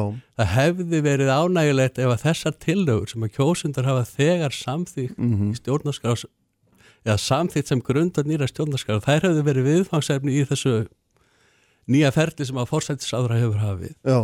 en þær eru þvert á móti eh, algjörlega sniðgengnar. Já, þú ert ósattur við þetta ég sé það í þínum skoðum, þú vandar fórsættisáður ekki hverðirna í þessu, fyrst er það að svikið Nei, nei, ég, ég vonu nú ég hafi verið kurtis við hana samt. Já, já, en, en, já, en, en þetta, er, þetta er mjög langt gengið. Þetta er, það má hafa um þetta mjög stór orð. Mm -hmm og hérna að, að hérna sniðganga þjóðaratkvæðagreyslu það er bara eitthvað sem ekki hefur gerst á Íslandi áður Aldingi mm. hefur bóðað áður til þjóðaratkvæðagreyslu þrísvarsinnum að ég held og alltaf farið að niðurstöðunni mm -hmm. og ég tala nú ekki um í þessu tilfelli þar sem að að undan fer að lánt líðræðislegt ferli og niðurstaðan síðan hérna mm liggur fyrir í lók þjóðrætkvæðgreistuna að láta eins og ekkert hafi gerst. Það, það gengur ekki sko, upp, það er, það er alvarlegt sko, það má alveg tala um að það sé bara aðföra líraðislegum stjórnarháttum. Já. en síðan svona út frá praktískum atriðum öðrum, mm -hmm. þá mun alþingi ekkert komast áfram með þetta. Nei. með þessum hætti, það er eiginlega varpað inn bara sprengju í þetta ferli sem að er verið að reyna einhvern veginn að láta fólk gleyma og, og hérna skapa sundrungu mm -hmm. það, það ríkti sátt meða landsmanna um þessa tillögur að nýri stjórnarskrá mm -hmm. nýri og endurskoður stjórnarskrá oh. en það var ósætti meðal stjórnmálurflokkana og það er ekki hægt að láta ósætti stjórnmálurflokkana eiðilegja málið þeir mm -hmm. verða að lúta vilja kjósenda Já Þannig að því, þetta, þetta samráðsferðli sem núna er í gangi og er skreitt fallögum orðum eins og, hérna, eins og þessi röggræði fundur er og einhver líðvistun held ég fyrir ekki, ég man ekki orðið eins og þannig að þið gefið ekki mikið fyrir þetta grannlega. Nei, en við náttúrulega fögnum því að máli skulle vera komið á dagskraf vegna þess að það hefur verið þagað um það alveg frá 2013. Mm -hmm. Í mars 2013 Það reyndar hérna nefndir í gangi og, og nefnd fóringja flokkana núna er já, ekki? Jú, jú, jú, jú, jú. En, en það hefur, hefur verið þagað um þetta mál eins og þeir geta og við höfum getað kreist upp úr uh, stjórnmálumönnum og stjórnmáluflokkum svona fyrir kostningar Mhm. hverju sinni, eitthvað um þetta. En þetta hefur ekkert verið á dagskar síðan í mars 2013 en þá lág fyrir alþingi og, og af hálfu alþingis fullbúið frumvar Mm. að nýri og endurskoður stjórnarskrá. Já, en var ekki tekið til atkvæðagreislu og fórsættisráður af fyrirvinandi Jóhanna Sigurðardóttir lísti í nýlega í bladagrein mm. að þeir sem að stóða mótið þessu að aðalega framsónaflokkur og sjálfstæðisflokkur Mm. þeir svifust einskis já. En glemdi Þú voru látið komast upp Já, með það, það voru nú vombriði líka Já, já, en glemdi því nú reyndar að hérna, það var nú uh, eftir maður hennar sem að hjó nú endarlega á hnútin í því máli var það ekki og, og, og, og sagði við getum ekki ágrið þetta núna. Já, já, og Katrín Jakobsdóttir var með honum þar í liði, já. það var mjög sorglegt og sorglegt að sjá líka. Allir, allir er ekki hægt að kenna hérna sjálfstæðarflokknum og framsóknum. Nei, það, það er nefnilega, ég er, ég er eiginlega alveg sammálaður um það. Mm. Þeir framsóknarflokkur og sjálfstæðarflokkur voru látnir komast upp með þetta. Mm -hmm. Það hefði verið hægt að, að, að hérna, taka þetta til atkvæðagreyslu og það lág fyrir ofinberlega að meiri hluti þingmanna mm. vildi afgreða máli mm. en svo kom Átni Páll hann einni með þetta og, Katri Jakobsdóttir og Guðmundur Stengriðsson hann dinglaði eitthvað með hann líka og þetta var náttúrulega já, þetta, þetta var það sem kallaði var pólitískur órunveruleikir reyndar í öðru samhengi já, þetta já. var það greinlega þenn tíma veistu, ekki, þú lítir örglega að hugsa tölvört um það hvað var það sem að allir því að, að máli komst ekki lengra var þetta ég veit ekki Já, hvernig letuðu framslóflokk og sjálfstæðisflokk komast upp með þetta? Já, ég hefna, sko, í fyrsta lagi var náttúrulega verið að halda eitthvað haga að þingi var ekki búið að setja neitt feril um það hvernig það ætlaði að fjalla um tillöðunar þegar það voru afvendar ég minna, formaður stjórnlegar á sem sagði það bara þegar hún rétti að hún vissi að þingið hérna, hafði ekki hugmyndum hvað ætlaði að gera næst. það var náttúrulega. Jú, jú, það, það má segja það, það ferli hefði ekki verið kortlegt næ, nægilega áður en eftir að þjóðratkvæð, eftir að alþengi bóðar til þjóðratkvæðagreyslu mm -hmm, mm.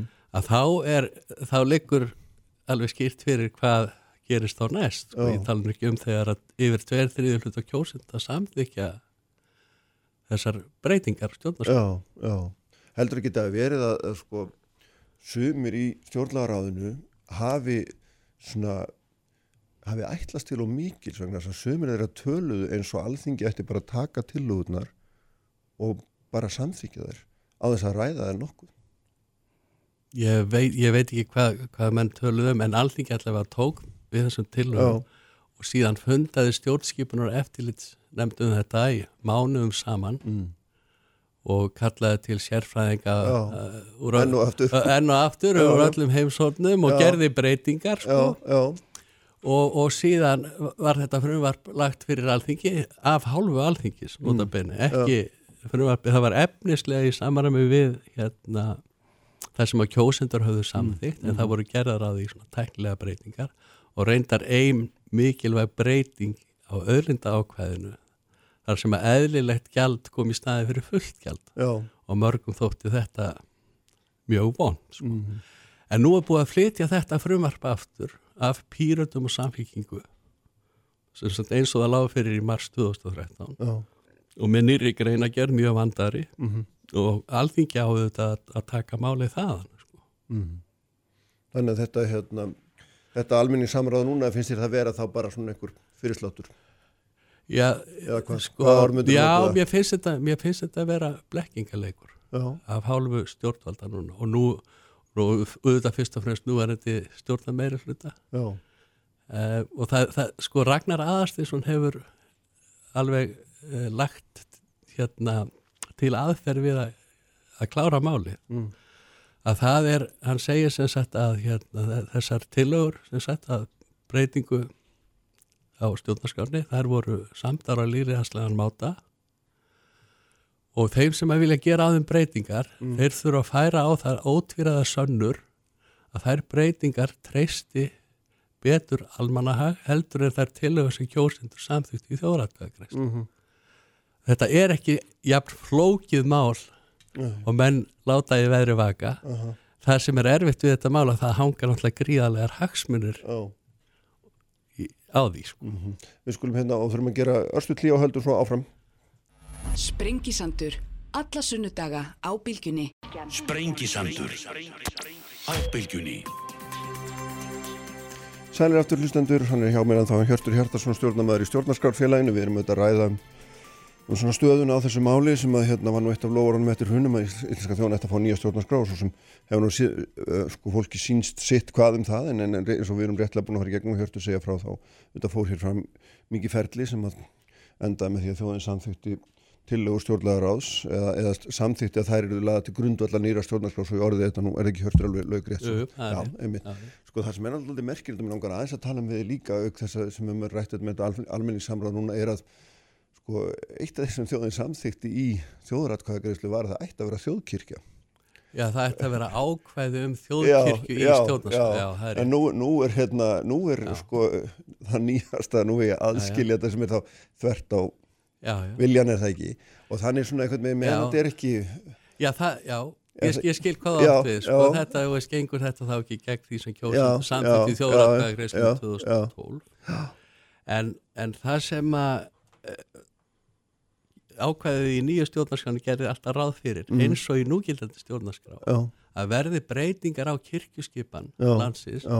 að þá ber að setja það í þjóðratkvæðagreyslu þannig að, mm. að þetta kannski skiptir ekki höfuðmál, það verður alltaf þá haldin ný þjóðratkvæðagreysla um þetta atrið mm. þannig að, að það, það er heppilegt út af fyrir sig þó að ég hefði talið og, og ég veit það ef, ef, ef, ef ef og þegar nýja stjórnarskafin tegur gildi mm. þá getur almenningur knúið fram breytingar á borfið þessa Já.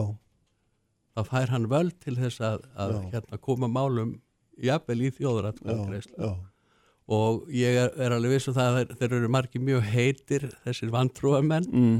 að það, það yrði mjög fljóðlega eitthvað eitthva slíkt upp á tenningu sko. en hérna þetta rekst svona í fljótu bræði séð eitthvað á við það sem var samtitt í þjóðræðarkvæðagreyslu 2012 en, en það leysist með því að það er, verður alltaf þjóðræðarkvæðagreyslu um þessa breytingu á kirkskipum. Mm, mm. Þú sagðir á þannig sko, og, og mann segi oft líka hérna, ef þetta færst ekki gegn að það er svo miklu haksmunir undir og, og stundum finnst manni að mér finnst allavega stundum svona aðeins óljóst um það hvernig hvernig, þið, hvernig þið tengið þetta saman hvaða ja. haksmunir það eru. Ja, Við skilum vel að það sem eru íhaldsamir og finnst bara stjórnarskráði að breytast hægt, það er bara eitt við þurfum bara gott og gilt við þóru og svo getur menn verið einhver annar skoðunar, en hagsmunni sjálfur sem þú ert að tala og vísa til? Já, vinsalest er nú að nefna öðlinda ákveði Já. sem mann alltaf kveður á um það að hérna, öðlinda skuli vera sami glans En það er náttúrulega bara í lögum hvort þið er Það er í fyrstu grein, fyrstu veið stjórnarnar lagana þetta ákveð og það já. hefur haldið, það hefur mist ástu engin útgerð lagt í það að láta á það reyna sko. nei, nei en svo er þetta efni um það að fullt gjald skulle mm. koma fyrir mm -hmm. afnóttuna auðlindinni og þar, það stendur í eh, áhrifamiklum öflum í samfélaginu mm. og eh, Indriði á Þólásan hefur skrifað um þessa auðlindarendu það er þannig við nú er þetta fyrirkomulega að það verður til þessi auðlindarenda mm.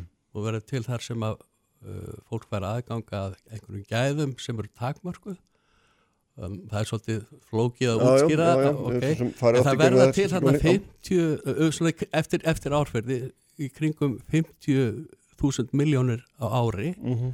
sem að renna að nánast að öllu leiti til útgerðarinnar uh -huh. en mhm. ættu að fara í almannarsjóði og þetta eru svakalegi peningar og við veitum hvernig þessi útgerði fyrir ekki peningandur úr þeim mm. og hérna þessi renta er notu til að kaupa já, upp ímisleitin okay. í samfélaginu ég, Við gætum rökra þetta, þetta ég veit að já. Já, er góð Svo er, annað, svo er líka kostningakerfi sko.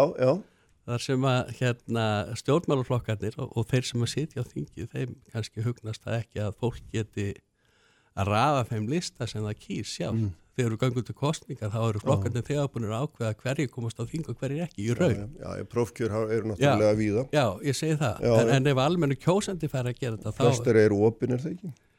Ja, það, það er upp og ofan en þeir þáttakenni því er ekki í líku þegar þetta verið þú ættir að fá Þorkjell Helgason til að ræða það hérna.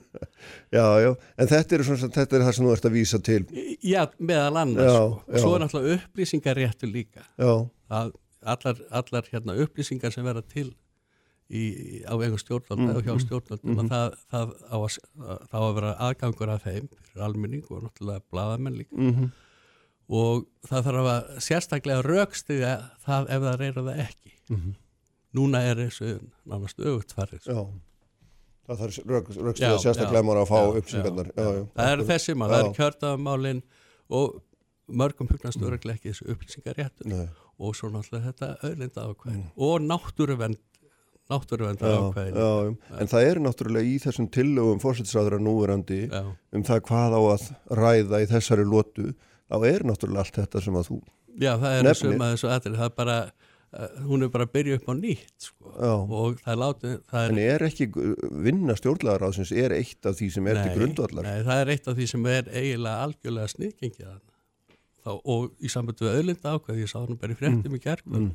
það er heimlega má ekki ræða það sko á fundunum mm -hmm. það er, er hjá stjórn, formanum stjórnvöldlokkana oh. og þeir eru búin að setja eitthvað saman sem að þeir setja nú allir fram fyrirvara en er bara útvöfnun á því auðlinda ákveði sem að kjósundu samþýtt í þjóðrækkaðagræslu Ég, ég held ég sé ekki að rántúlkaði þegar ég er að segja að, hérna, að þú er afalill að trúa því að alþengi geti hérna, nýkað þessum áleikvað. Já, það er bara 70 ára reynsla, það er ekki bara tilfinning mín, það er bara 70 ára reynsla fyrir því já. og líka vegna þess að þess, það sem að kemur út af þessu, það verður alltaf borið sama með það sem að kjó, það er til þess að kjósindu samþýtt í þjóðrækkaðagræslu uh -huh. og þau mun alltaf rekast á þann mm. vegg og ég hef enga trú að því að það sem kemur frá formanum stjórnmáluflokkana sé betra en það sem að kjósundur samþýtt í þjóðrætkvæðagreyslu. Mm. Þessi stjórnarskrá varð til, veist, það var ekkert sjálfgjöf. Stjórnarskrár breytingar, gaggjara breytingar á stjórnarskrám og nýja stjórnarskrár verða til í svona sam, samfélagslu umróti. Mm -hmm. Það er bara söguleg staðræn. Mm -hmm. En það er ekki gefið að það lukkist, en í þessu tilfelli þá lukkaðist landsmönnum að semja sér nýja stjórnarskrá með líðræðislegasta hætti sem að umgetur í sögu stjórnarskrárréttar mm -hmm. Sagði Larry Lessig hérna, fórseti lagadeildar Harvard Háskóla oh. og fleiri mm -hmm. Mm -hmm. Þannig að hérna hvað heldur að gerist? Já, nú er búið að nú er þetta mál komið, í, komið á dagskráatur ég Já. held að hérna, ég bind vonu við að fleiri flokkar gangi til liðs við pírata og samfélkingu og, og bara fleira fólkur öllum flokkum mm. á alþingi og, og hérna fara að vinna því að, að vilji landsmanna vilji kjósenda sé virtu því að þetta er svo alvarlegt mál mm. að láta eins og þjóðrætt, að búa til þjóðrætkvæðagreyslu mm.